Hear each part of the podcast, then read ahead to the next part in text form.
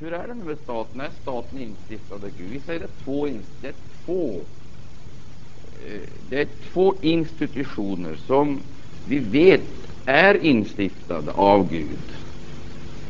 Det är två institutioner som vi vet är instiftade av Gud. Och vi får använda ett sådant uttryck som institution. Det låter ju det låter inte så särskilt trevligt, men eh, vi får, vi får brist på annat får vi ta det. Eh, eh, vilka, vilka är det? Det är två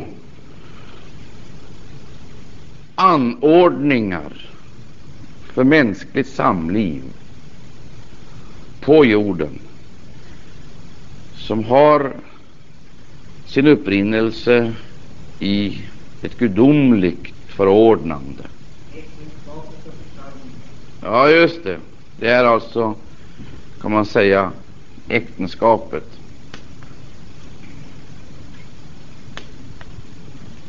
Eller familjen. Och församlingen.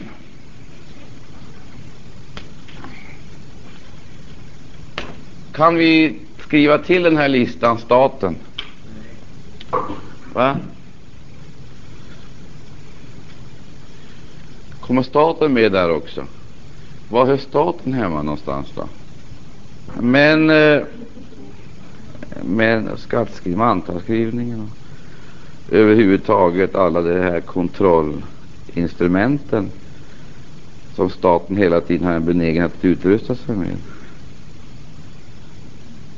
Alltså, därför att om staten sätter upp för sig mål som befrämjar alltså kollektiva intressen, kollektiva, men samtidigt kan och ofta också gör skadar individuella, individernas. Och därmed så har jag, jag har tangerat problematiken lite någon. Jag tänker, fatta, jag, tänker, jag tänker ta det här väldigt lugnt, för jag tror att vi kommer att röra oss på ett område här som de flesta är ganska obevandrade. Och därför kommer jag icke att forcera utan jag kommer bara lugnt helt enkelt att läsa bibeltexterna. Läsa bibeltexterna så vi först och främst blir får tron av bibeltexterna.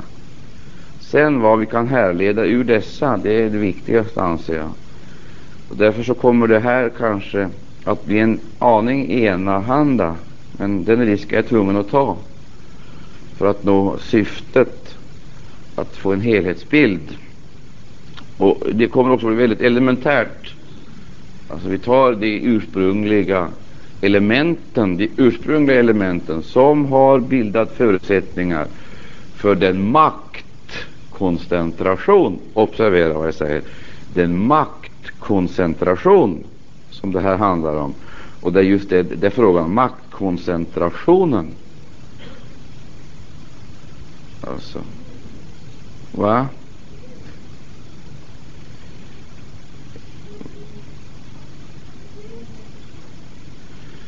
Alltså den här maktkoncentrationen, eh, den vi ska försöka titta lite på vad den har för element i sig och vad den leder fram till. Vi vet all makt, den, är, den korrumperar. All makt den är destruktiv och leder vanligtvis till missbruk. Det sammanhänger med materialet eller med människan.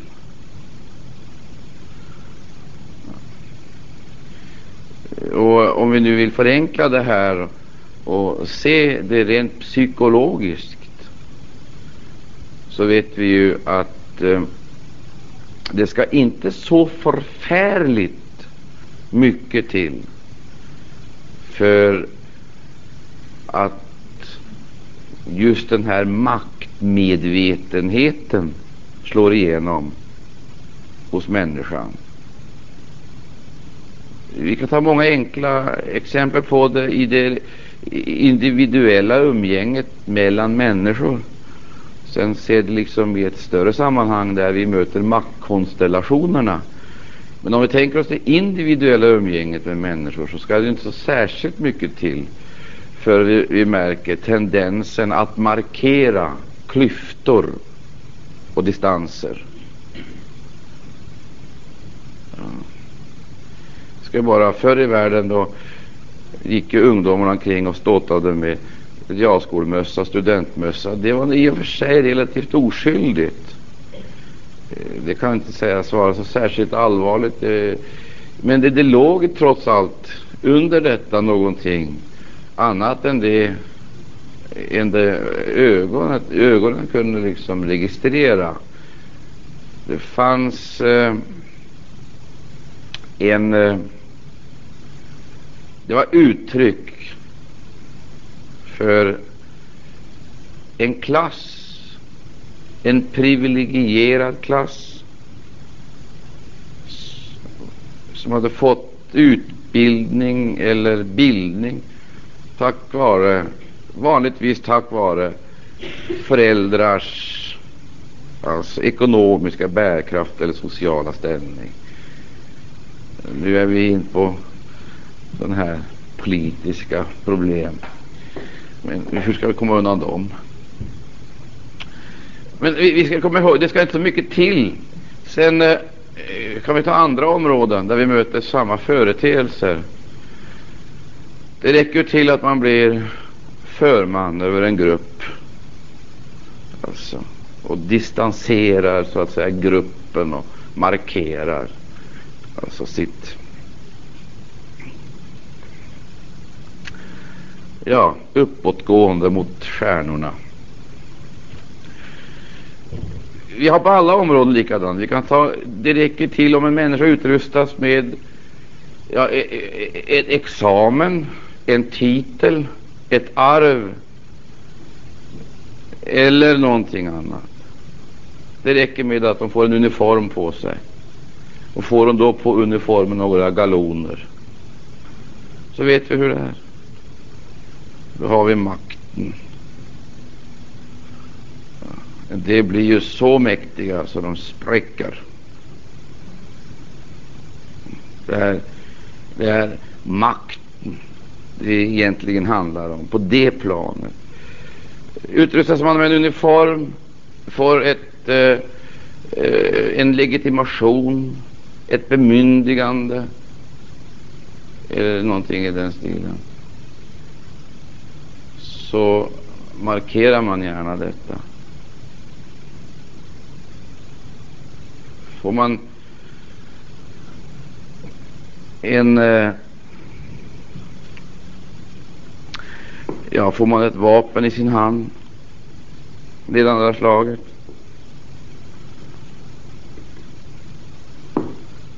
ja, det räcker faktiskt att man har ett pistolhölster i bandoläret det kan vara en ollonpistol.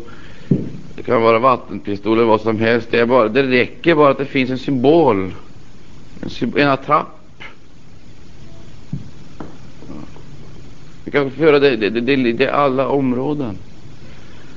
Så möter man det här. Och det är klart att när människan blir medveten om sin styrka, att hon är starkare än ett antal andra individer, så slår det igenom i hennes relationer till omgivningen.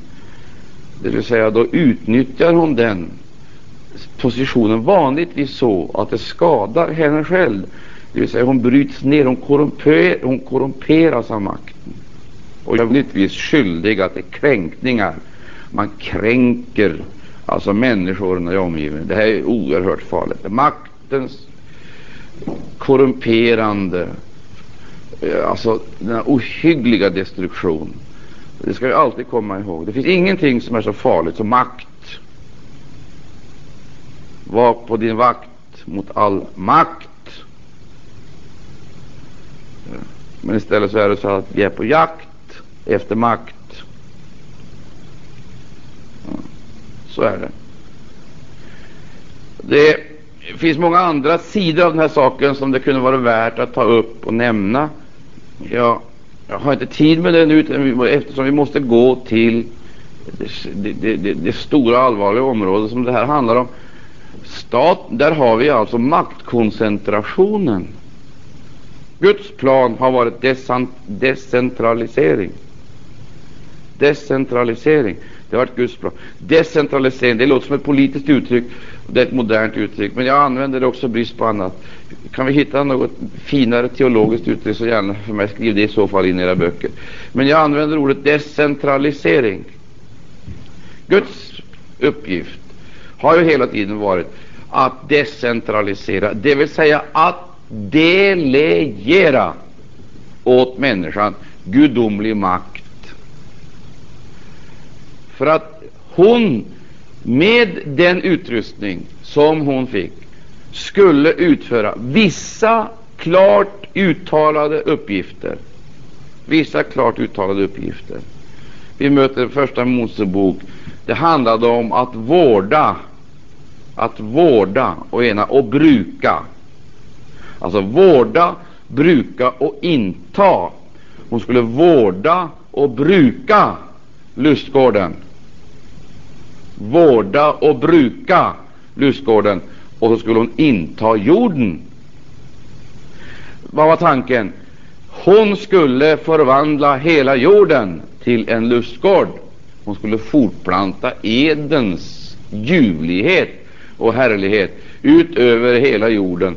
Och det var därför att hon var inkastad i en gigantisk kamp emot makter som skulle, alltså, som ville till varje pris komma in för att förstöra Guds plan. Men jag stannar där också. Hon skulle vårda och bruka och inta. Och så heter det, för hon skulle inta jorden genom att föröka sig utöver jorden. Det är missionsbefallningen. Den första missionsbefallningen den gavs åt de första människorna att fortplanta det liv som fanns i Edens lustgård vegetabiliskt. Vegetabiliskt liv, mineral härlighet, animaliskt liv. Det skulle igenom människan fortplantas ut över hela jorden. Det var Guds tanke, Guds vilja. Eh, och därför så blev hon också eh, hon blev gjord till Guds avbild på det sättet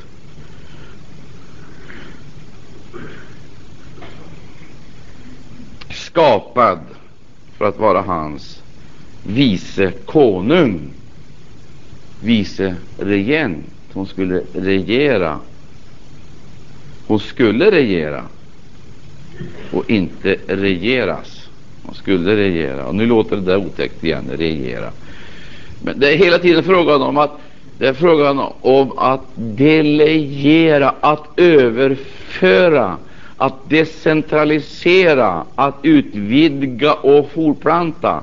Vad då för någonting? Och det, eh, då ska jag komma. Det, det, det är helt enkelt om arten, ursprunget, upprinnelsen.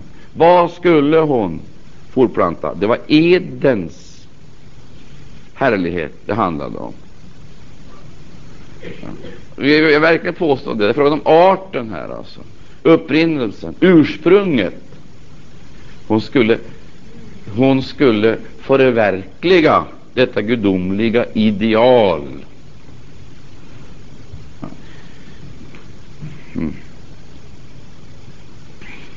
Att delegera makten, decentralisera den. Gud gav människan någonting hur gick det då med Guds allmakt?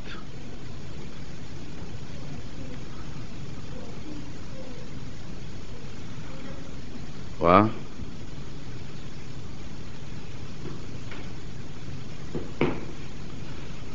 Hur gick det då med Guds allmakt? Är Gud allsmäktig? Va? Är han allsmäktig?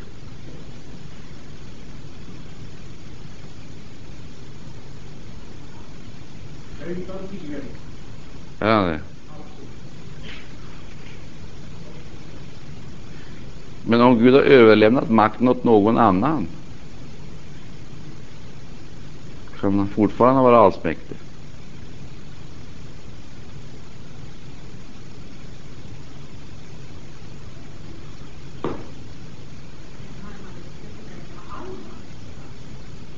Nej, det har inte jag sagt heller, men jag frågar om han är allsmäktig i det ögonblick han har gett bort en del av den. Är Gud allsmäktig? Kan Gud göra allt vad han vill? Va? Kan han det? Kan han frälsa en människa som inte vill? Ja, men då är han inte allsmäktig. Då har du sagt det själv. Va? Jaha, så då har alltså människan makt emot Gud? Nej, men något? Nej. Hur är det nu då? Har Gud all makt eller har han det inte? Jaha. Va? Ja, men varför, står, varför utbristes det i uppenbarelsen? Nu tillhör makten. Varför sägs det så?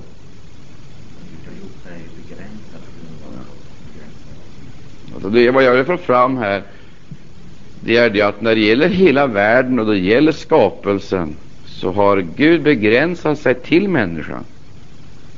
Och därför så måste han också lösa mäns människans problem för att överhuvudtaget kunna manifestera sin allsmakt. Och det kommer att ske på nya, i nya himlar och nya jord. Men vi lämnar det där ämnet. Det är intressant, men det är inte vårt idag. Utan vad det handlar om nu det är det här. Alltså Guds, får jag säga, Guds metod har varit decentralisering. Får jag säga. Lyssna nu här. Det här låter nästan som det skulle vara en teknokrat som talar, men ni får ursäkta men vad ska man göra? Man får ta de ord som finns. Guds metod har varit decentralisering till individen. Till individen. Till individen. Men människan, driven av sitt maktbegär, alltså det vill säga den, decent, den detroniserade människan, den detroniserade människan, driven av sitt maktbegär, har hela tiden arbetat emot Guds avsikter. Guds avsikt, decentralisering till individ, men människan koncentration till institution. Förstår du? Koncentration till institution. Och då har hon, skap, då har hon samtidigt skapat ett substitut. Ett substitut. Vad är ett substitut? Alltså, vad är ett substitut? Ja. ja, det kan vi säga.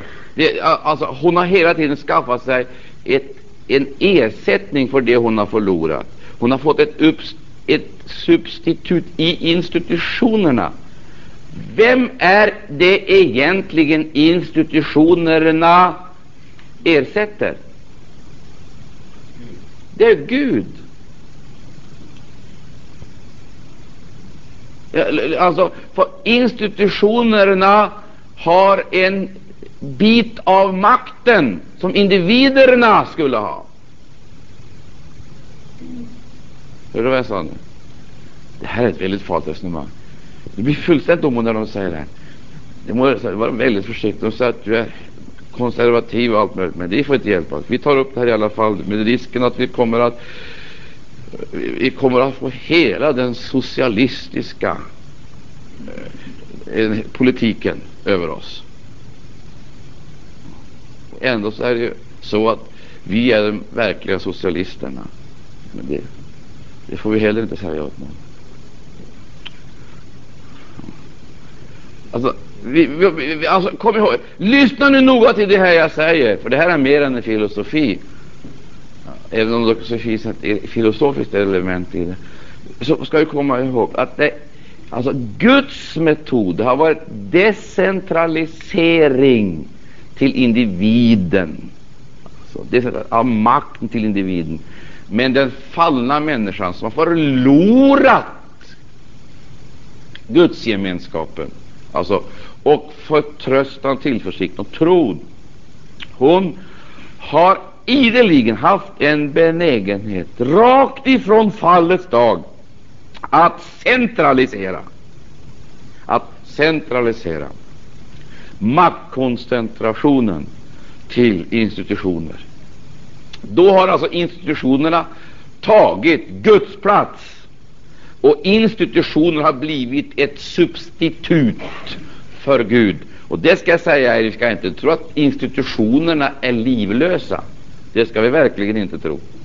Det ska vi komma ihåg, att de lever. Och de lever i kraft av en naturlag. Det ska vi komma ihåg. I kraft av en naturlag. Och det är en ohygglig lag med många, många ohyggliga aspekter. Ni ser tråkade ut. Är det tråkigt det här? Va? Ja, det tycker jag också. Jag ska tala om, för, om ni visste vad jag brottats med den här problemen under årens lopp, för att komma till rätta med det. Och det beror på konflikten som kallas för en dualism. Alltså man kan ju bli schizofren alltså när man tänker på att man tillhör två världar och ska vara fullkomlig i båda. Och dessa världar ligger i strid med varandra. Det är ju ingen underligt att man blir... Det, det, det, man blir ju schizofren, man blir ju två typer. Det, benägenheten till det är, ju, den är uppenbar, inte sant? Ja. Och har vi inte klara, klart här alltså, så är ju risken för att det går sönder för oss eh, klar. Det, vi, vi, blir helt enkelt eh, vi vi personer med ett janusansikte. Visst blir vi det. Vi måste ha det klart för oss. Alltså. Ja, och jag, jag, därför då går jag sakta fram här och betonar det här. Och jag, jag, jag förstår ju att inte jag kommer att bli färdig med det här med staten som Gud. För att vi måste motivera det. Vad är det som gör att staten hela tiden har en benägenhet att oupphörligt träda in på områden som tillhör kulten? Alltså, det är inte frågan om det är inte bara frågan om omsorgen för vårt sociala liv, utan den har hela tiden en, en benägenhet att tränga in på områden som tillhör kulten, alltså på trons, religionens område. Vad är det som gör det? Och där har vi det ondas dynamik. Det ligger i maktens destruktiva krafter att hela tiden erövra åt sig områden. Ja, hela tiden erövra åt sig nya områden. Ta nya områden och lägga det under sig.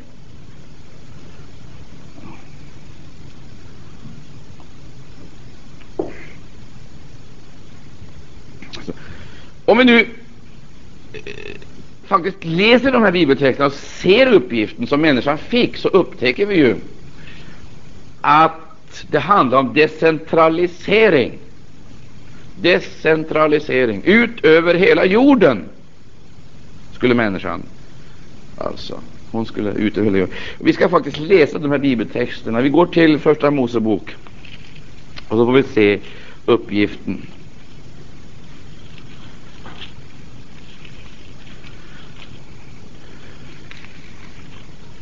Eh, och jag vill säga det, detta är den första missionsbefallningen.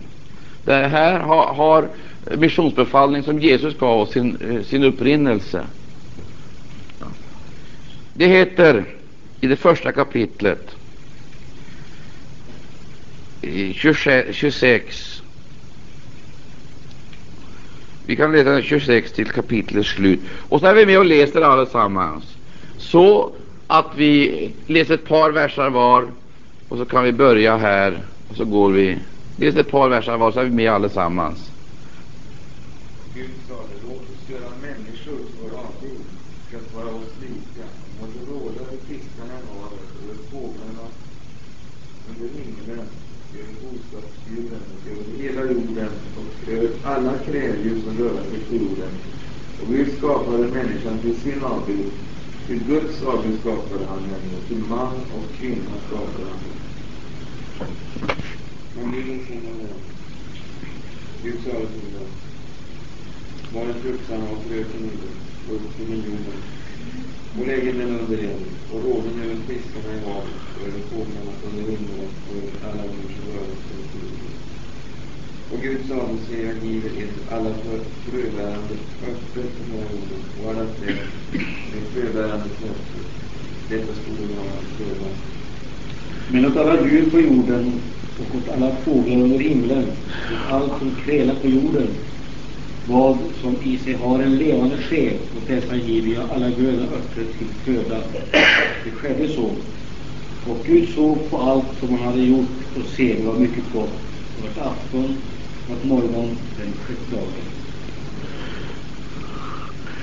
Ja, av det här framgår ju klart och tydligt att Gud gjorde sig beroende. Gud gjorde sig beroende av människan. det måste vi komma ihåg. Gud gjorde sig beroende av människan.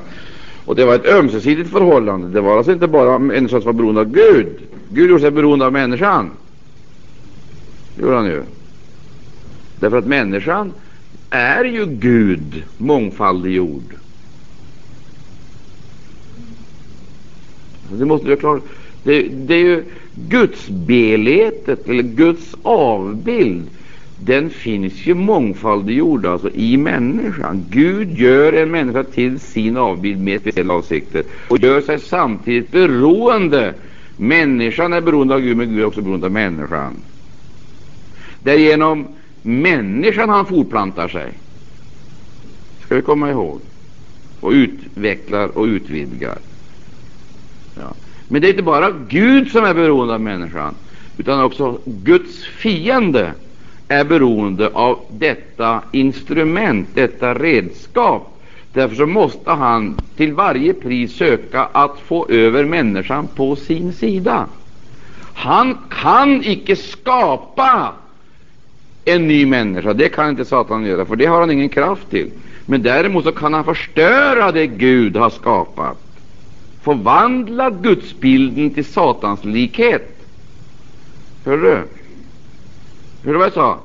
Han kan förvandla alltså gudsbilden till Satans likhet. Dock är det vissa ting som han aldrig kan utplåna hos henne. Det är vissa ting. Han kan beröva henne vissa egenskaper. Vissa egenskaper kan han beröva henne, det vill säga överföra det i sin tjänst. Men så är det vissa ting som han icke icke kan ta ifrån henne. Utan och det är också detta som gör henne så otroligt effektiv i också motståndarens tjänst. Vad är det han icke kan utplåna?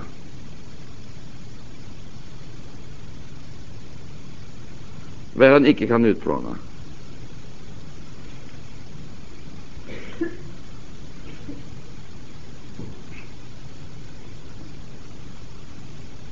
Om vi skulle uttala oss om människan, om människan Alltså, vad, vad är det för speciell identitetsmärke vi har att hålla oss till?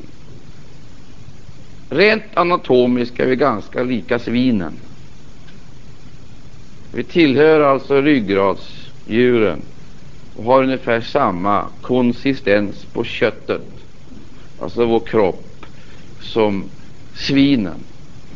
Alltså, alltså.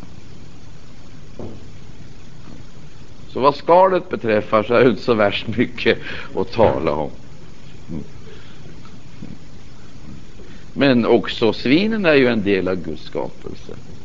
Kan man med hundraprocentig säkerhet gå och säga att jag kan av det här se att detta handlar om en människa?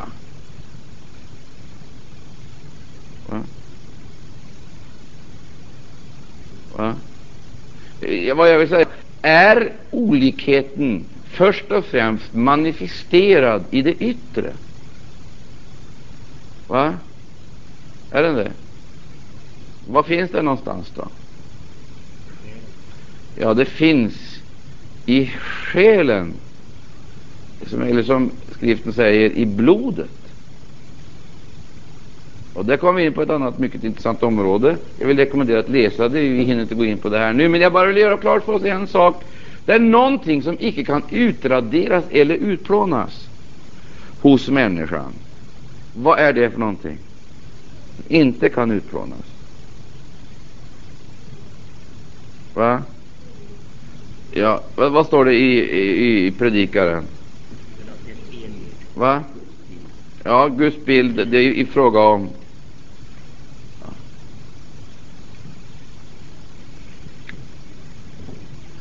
Alltså evigheten har han lagt ner i, i människans hjärta. Alltså, människan kan skilja sig från sitt ursprung men aldrig upphöra att existera.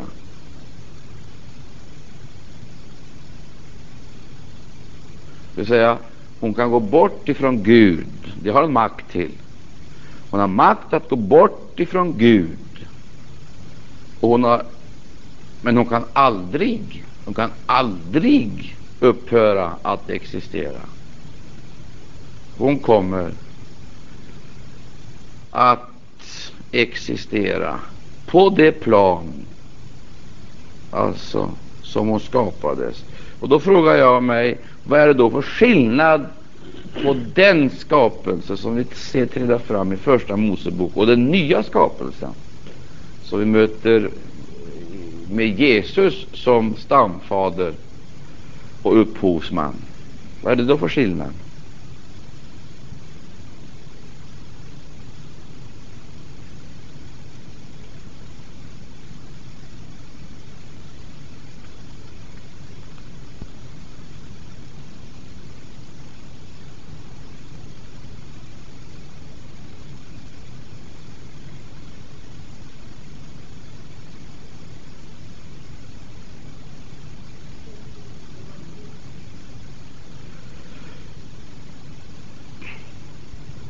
Ja, ja. Vi, kanske också får lämna det. Men vad är det för skillnad på detta? Alltså, vi, vi måste göra klart för oss en sak här. Alltså, det är frågan om att Gud hela tiden verkar igenom skapade varelser som är utrustade med egenskaper som känns igen, som känns igen, kan härledas direkt till skaparen. Och då står det att det var Guds avbild. Och då vill jag fråga, i vilka avseenden kan man tala om avbild? Var det likhet, kroppsligt avseende? Va? Var kroppslig likhet? Zoologisk, anatomisk likhet? Biologisk? Är det det det handlar om? Va? Vad är det handlar om för någonting då?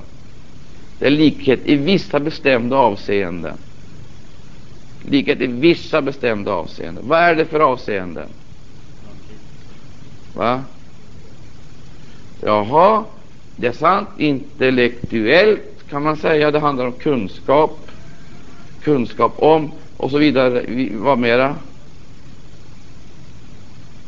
Intellektuellt kan man säga. Sen moraliskt, alltså människan är utrustad med ett sedligt ansvar. Detta manifesterar sig också därigenom att hon i sitt eget väsen bär en domstol. Hon, är, hon har intellektuell möjlighet alltså att ta emot och jag höll på att säga magasinera kunskap. Jag vill betona det här, hon har möjlighet att förvärva, ta emot och magasinera kunskap kan förvara kunskapen och sätta den i system, kan man säga. Kan hon göra. Det skiljer hon sig från den övriga skapelsen. Hon har ett sedligt ansvar för sina handlingar. Sedligt ansvar för sina handlingar. Det vill säga, hon är personligt ansvarig för eget liv och sina gärningar och utrustad med förmåga att ta, så att säga, att förvalta och förmedla och fortplanta.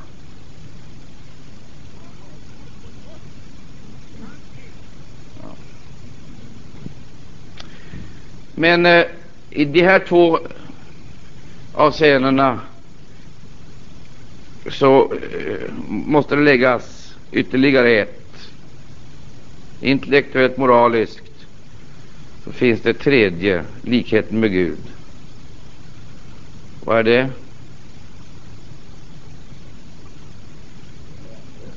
Ja, och andligen, det vill säga människan är utrustad för att tillbedja. Hon är skapad för att tillbedja.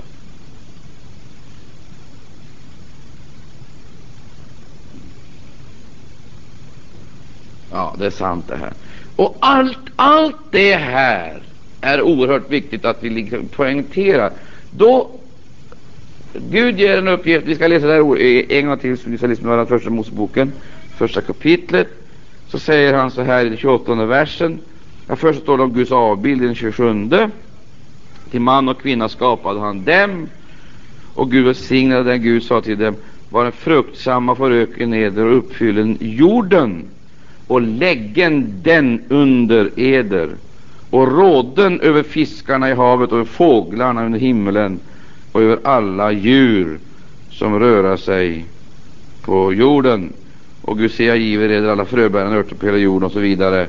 Människorna var alltså vegetarianer vid det här tillfället, den här, det här planet.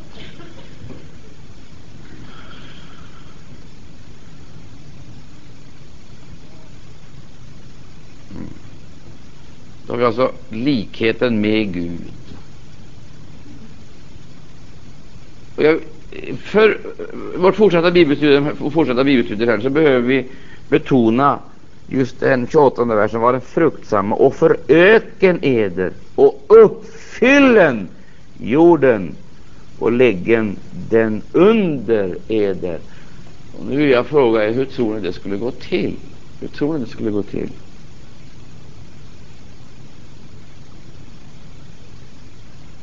Vi ser här alltså människans makt inplacerat i sitt naturliga sammanhang.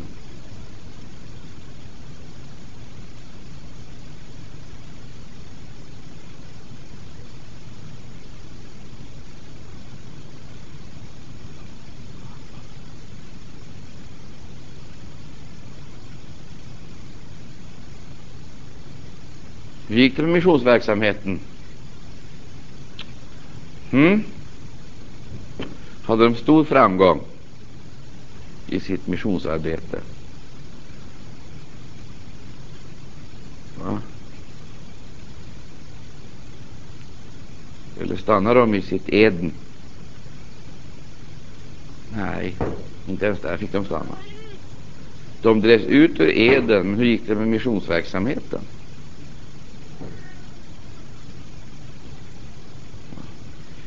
Jo, de kom i händerna på Guds fiende. Observera, de kom i händerna på Guds fiende. Och vad hände då? Jo, då gjorde han precis rakt emot det Gud hade sagt. Och det vill säga, då börjar han förverkliga exakt motsatta principer genom samma redskap. Det vill säga, då förvränger han uppdrag. Han förvränger uppdraget och så förvränger han människan. Och hur förvränger han henne? Visst får hon makt, men vad till? Får hon makt till Guds förverkligande? Guds förverkligande, får hon makt till det? Nej, hon får makt, men till självförverkligande. Hörde du vad jag sa? Detta är det kusliga. Och det är den utvecklingen som ska leda fram till övermänniskan. För människan kommer att bli mer och mer maktmedveten, mer och mer myndig, mer och mer intellektualiserad, mer och mer kunskapsrik och mer och mer demonisk. Därför att allt detta som hon utrustar sig med genom att hon erövrar nya områden, allt detta sätter hon in i ett enda, i ett enda syfte, nämligen att förverkliga sig själv. självförverkligandet. Och självförverkligandet leder alltid fram, observera, observera vad jag nu säger här, självförverkligandet lever alltid fram till sista slutet, total demonisering. Det är precis rakt motsatta princip, Guds förverkligande. Det, leder alltid fram till demoni. Lyssna här. Nu sa Gud, uppfyllen jorden, sa han, och föröken är det. Alltså uppfyllen, uppfyllen. Det vill säga, den atmosfär som fanns i Eden skulle genom dem fortplantas, och det vill säga, de skulle skapa sådana miljöer så att Eden hela tiden kunde kännas igen över hela skapelsen. Det vill säga, om man igenom den synliga skapelsen kunde känna igen Gud, skaparen. Men nog, istället för att uppfylla jorden med Guds härlighet och fortplanta sig och inta jorden och låta varje område bli så att säga en plattform för ett mänskligt regentskap, så uppfyller hon jorden. Det gör hon i verkligen. Hon uppfyller jorden. Det gör hon på sitt sätt. Men du ska veta, hon uppfyller jorden med demoner. För vet du vem som öppnar dörrarna in på jorden för demonerna? Det är människan.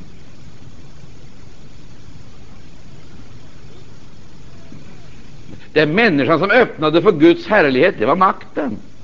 Det är människan som öppnar eh, och, och fortplantar. Men det är också människan som öppnar för demonerna och avgrunden. Det är människan.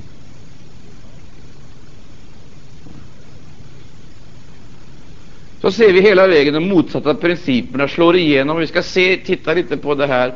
Och allt eftersom människan utvecklar sig numerärt, observera inte minst numerärt, för här betyder statistiken enormt mycket, så kommer de politiska aktiviteterna de politiska aktiviteterna på olika områden. Och vi ska se hur dessa politiska aktiviteter tar sig uttryck i ett tidigt skede.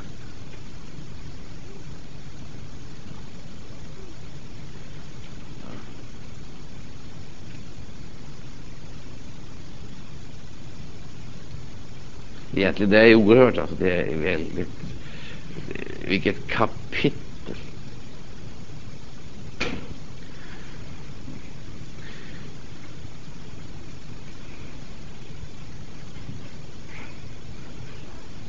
Vi ska eh, kanske studera det här lite en aning, fördjupa oss lite mera i det. Därför att så småningom så fylls det här institu institutionerna, de fylls alltså av tradition, traditioner och maktresurser som hela tiden leder fram till mänsklighetens demonisering.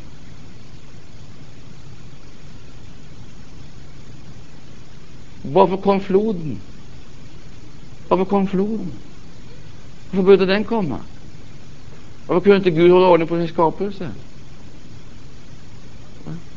allsmäktige Gud, kunde inte han hålla ordning på sin skapelse? Varför kom floden? Va? Ja, men varför kom floden? Gud utplånar allt levande som existerar. Det fanns ingen möjlighet till räddning. Guds vrede mot det orena och synden alltså, tar sig sådana demonstrativa och dramatiska uttryck så att han utplånar. Men att han utplånar dem från jorden innebar det att de upphörde att existera. Va? Vad gjorde Gud? arresterade hela mänskligheten, satte dem i förvaringsarrest, i häkte, Hela mänskligheten satt han i häkte. Och hur gjorde han det? För att fånga in hela mänskligheten så kom vattnet. Lyssna noga vad jag säger. Vad ljög vi kallar det för död. Vad Gud gjorde, det var ju att han häktade hela mänskligheten. Därför att han hade gjort sig skyldig till så kvalificerade brottsliga gärningar. Så det fanns ingen räddning. Och istället då för att låta utvecklingen fortsätta med sammanblandning Guds söner och människornas döttrar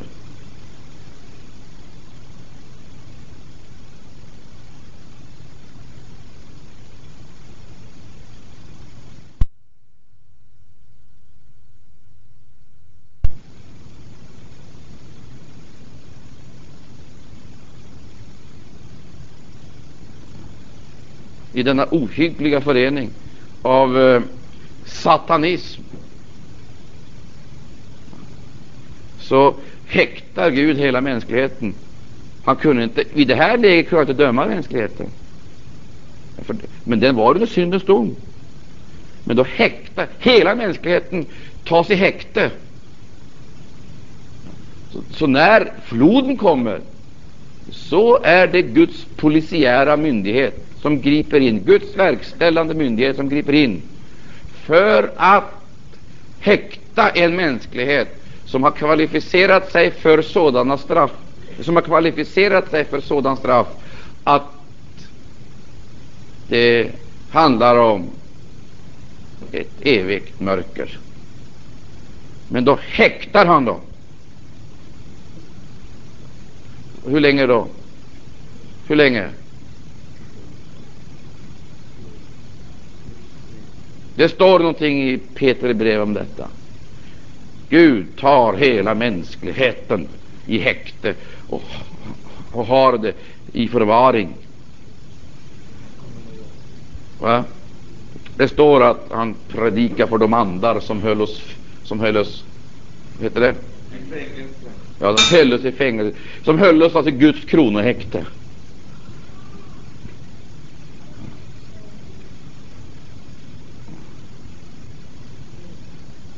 Och vad står det där? Läs det. Ja, det där i första Peter brev. Tredje kapitel, 19 vers. Ja. Läs det där. För det här kommer dopet in i bilden. Och det är därför jag är så förtvivlad över ytligheten också, som vi märker i samband med dopet. Dopet är ju en fullständig, det är ju en, det är en oerhörd proklamation. Det är en oerhörd proklamation. Det är ju att förklara alltså, jag går under och världen går under. Men också att jag står upp. För Kristus har stått upp. För Jesus gick under. Han stod upp igen. Och det talar vi om på söndag förmiddag. Hur den, rätts, hur, hur, hur det, den rättegången ägde rum. Och Jesus blev förklarad rättfärdig, rättfärdig förklarad i anden han hade på jorden förklarats skyldig till allt det onda som överhuvudtaget kan belastas en människa. På jorden var han förklarad skyldig. Han dog. Alltså. Men i anden blev han förklarad rättfärdig. Och det måste ske i en domstol. Där måste både åklagare och domare vara närvarande. Och sen också personundersökaren. Personundersökaren är den heliga Ande. Åklagaren är Satan den heliga Ande förstår du, han har säkerligen reda på hur det är med klienten. Jag talade här om då i söndags förmiddag om att klienten, det är människan. Människan. Men Jesus dör. Och det blir klargjort i himlen. Det, änglarna sänker sitt huvud och furstarna sänker sitt huvud i vemod. För att sonen dör på ett kors och kastas ner i dödsriket. Och det, då äger rättegången rum i höjden. Där är domaren, Fadern. Där är åklagaren, Satan och alla hans bisittare som nästan pratar i mun på varandra och för, för, för, att försöka att antasta Gud för att få sonen fälld. Och där är personundersökaren, den heliga Ande. De går igenom hela Jesu liv på jorden. Alltihop går man igenom, Alltsammans granskas i höjden. Men man hittar ingenting. Ingenting som kan lägga honom till last. Man tar alla falska vittnen i den osynliga och synliga andevärlden och åberopar dem i himlen för att göra, så att säga, ge kraft och effekt ja, för att få honom fälld. Men i höjden så granskas hans liv, hans vandel. Och åklagarens alla attacker tillbakavisas som lögn och falskhet. Och han plockar fram denna ena bibelställe efter andra och säger att han har kränkt dig, Gud fader. Säger han. Och låtsas som han stod på Guds sida. Eller rättens sida. Han läser Bibeln. Talar om vad skriften säger i höjden. Men där svarar man med nya Guds ord. Och så är duellen i full gång. Och när allting är färdiggranskat, då blir han förklarad rättfärdig. Och när han blir förklarad rättfärdig, då ska du se åklagaren. Men då undrade förstarna väldigheten i höjden, vad ska det bli av detta? Sonen är ju dödsriket. När han blir förklarad rättfärdig, då börjar det rassla ner i dödsriket. Är han rättfärdig, då har han lidit oskyldig. Och är han oskyldig, då måste hans död, om rättfärdighet ska skipas, tillskrivas någon annan som är skyldig. Annars skulle det bli snett i rättskipningen. Döden är ju redan ett faktum. Personundersökaren, den heliga Ande, lägger fram hela akten om mänskligheten. Hela mänskligheten från Adam hela vägen ner. Alla dessa som före världens grundval var jord var utvalda i Kristus Jesus lägger fram. Så mäter man i höjden om Jesu insats och rättfärdighet räcker till för att frälsa denna mänsklighet som är så kränkt. Så blir det kungjort. Jo, halleluja! Den som tror på Jesus Kristus blir rättfärdiggjord. Halleluja, det räcker till för hela mänsklighetens frälsning och den som åkallar hans namn blir frälst. Tror du det så säg amen människa. Ära vare Gud och Lammet. Gud vare lov. Då börjar det rassla till i dödsriket och dödsriket förvandlas till ett modersköte. Dit andarna har tagit, kommit både rättfärdig och orättfärdig. Och där de har väntat. Åh, jag ser Abraham fröjdar sig. Han hör helt plötsligt Jesus proklamera sin seger. Och att den segern så att säga har tillerkänts evig härlighet i höjden. Och de reser sig upp och gör sig färdiga för evakuering. De ska ut ur dödsriket. Hela den troende skaran ska ut. Gud vare lov. Och så går han till Satan och så säger Du djävul! Ge mig nyckeln till ditt eget palats. Och det är en kuslig situation när man förlorar nyckeln till sitt eget hus åt en fiende. Då kan han gå in när som helst och göra vad som helst. Och det kan han. Förlora nyckeln till sitt eget hus, sitt eget palats, sin egen fängelsehåla. Förlorar nyckeln till. Så säger han Abraham kom, Isak, Jakob kom. Nu går vi. Halleluja! Ära vare Gud och Lammet. Ja. Gud. Det heter om honom, han tog fångar. Han gav gåvor. Så går han ut ur fängelset, dödsriket. Så går han till paradiset. Då är det slut på kronohäktet. Då är det slut på häktningstiden. Förbidande väntan. Då kommer domen. Frikänd. I kraft av lammet. Halleluja, så får de frisedel. Och så går de ut. Frihetsbrevet. Du, i höjden, där håller andarna total tystnad. De har sänkt sina huvuden i djupaste förtvivlan och vemod. De förstår inte, änglarna förstår inte vad som äger rum på jorden. Se sonen, Gudasonen, himmelens härlighet, skönhet. Den äls, mest älskade av alla. Ser ni vilken förödmjukelse från er. Det är Gudasonen som lider på kors. O, oh, hela himmelen sörjer. när rättegången är avslutad i höjden och sonen har blivit förklarad rättfärdiggjord. Då ropar man ut genom rymderna Höjen!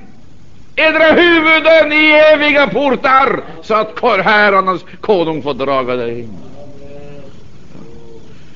Halleluja. Höj edra huvuden, halleluja, så att ärans konung får draga där in. Och lyfter de frimodigt sitt huvud, vad är det de får se? Och de får se triumftåg komma farande. Jesus, halleluja, följd av rövaren på korset. Där kommer han. Äronens konung må draga där in. Höjer ni portar, det är inga vanliga portar. Det är rådslag, dödsrikets portar och himmelens portar och Sodoms portar. Där satt furstarna och väldigheterna hade rådslag på högsta nivå. Först så behandlade de Jesus och så behandlade de mänskligheten. Var frågan, räckte Jesu rättfärdighet till? för mänsklighetens frälsning. Man hade granskat hans lik och hittat någonting. Om han dog, då måste hans död tillräknas de som tror på honom och som han är stamfader till, på samma sätt som synden tillräknas alla Adams fallna barn. Så förklaras det i himlen. Gud vare evigt lov. Gud vare lov. Då måste det också bevisas att detta är sanning, att vi på rättfärdighetens grund kan få hem rövaren Abraham. Vad är det som sker? Då ropas det ut i rymden, höjen nedra portar, höjen nedra huvud i eviga portar, och i ett enda ögonblick så är skaran där. Jesus med rövaren. Halleluja! Ära vare Gud och landet. Hemma hos Gud, då har han forcerat alla spärrarna i höjden, gått igenom rymderna, fram till nådens tron i härligheten. Gud vare evigt lov och av Gud Fadern själv förklarad vara rättfärdig. Förstår vilket fruktansvärt nederlag för Satan när han ser hur rövaren, hans redskap, helt plötsligt står på himmelskt territorium och själv är på väg att bli utkastad. Och ja, vi kommer in på ett sidospår här.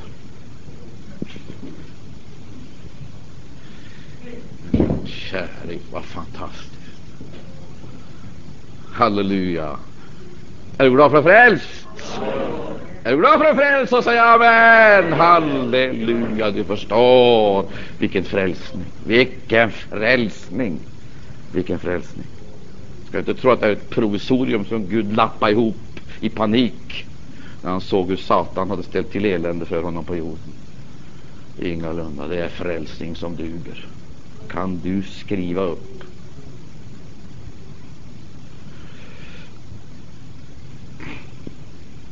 Gud, vi kommer ju inte till staten. Vi kommer ju till himlen. Det var, ja, herregud. Vi får sluta där. Vi får fortsätta igen. Åh, oh, vad fantastiskt. Herregud. Han ska få vara med i paradiset det är alltså uppryckt till den tredje himlen. Vi vet att i himlen så är det olika, eh, får vi kalla det olika klasser, olika nivåer, olika härligheter. Tronhimlen, där Gud tronar, så är det paradiset. Där det rättfärdiga väntar på, vad de väntar på där då? i paradiset. De väntar på oss. Ja. Hur ser det ut i paradiset, tror ni?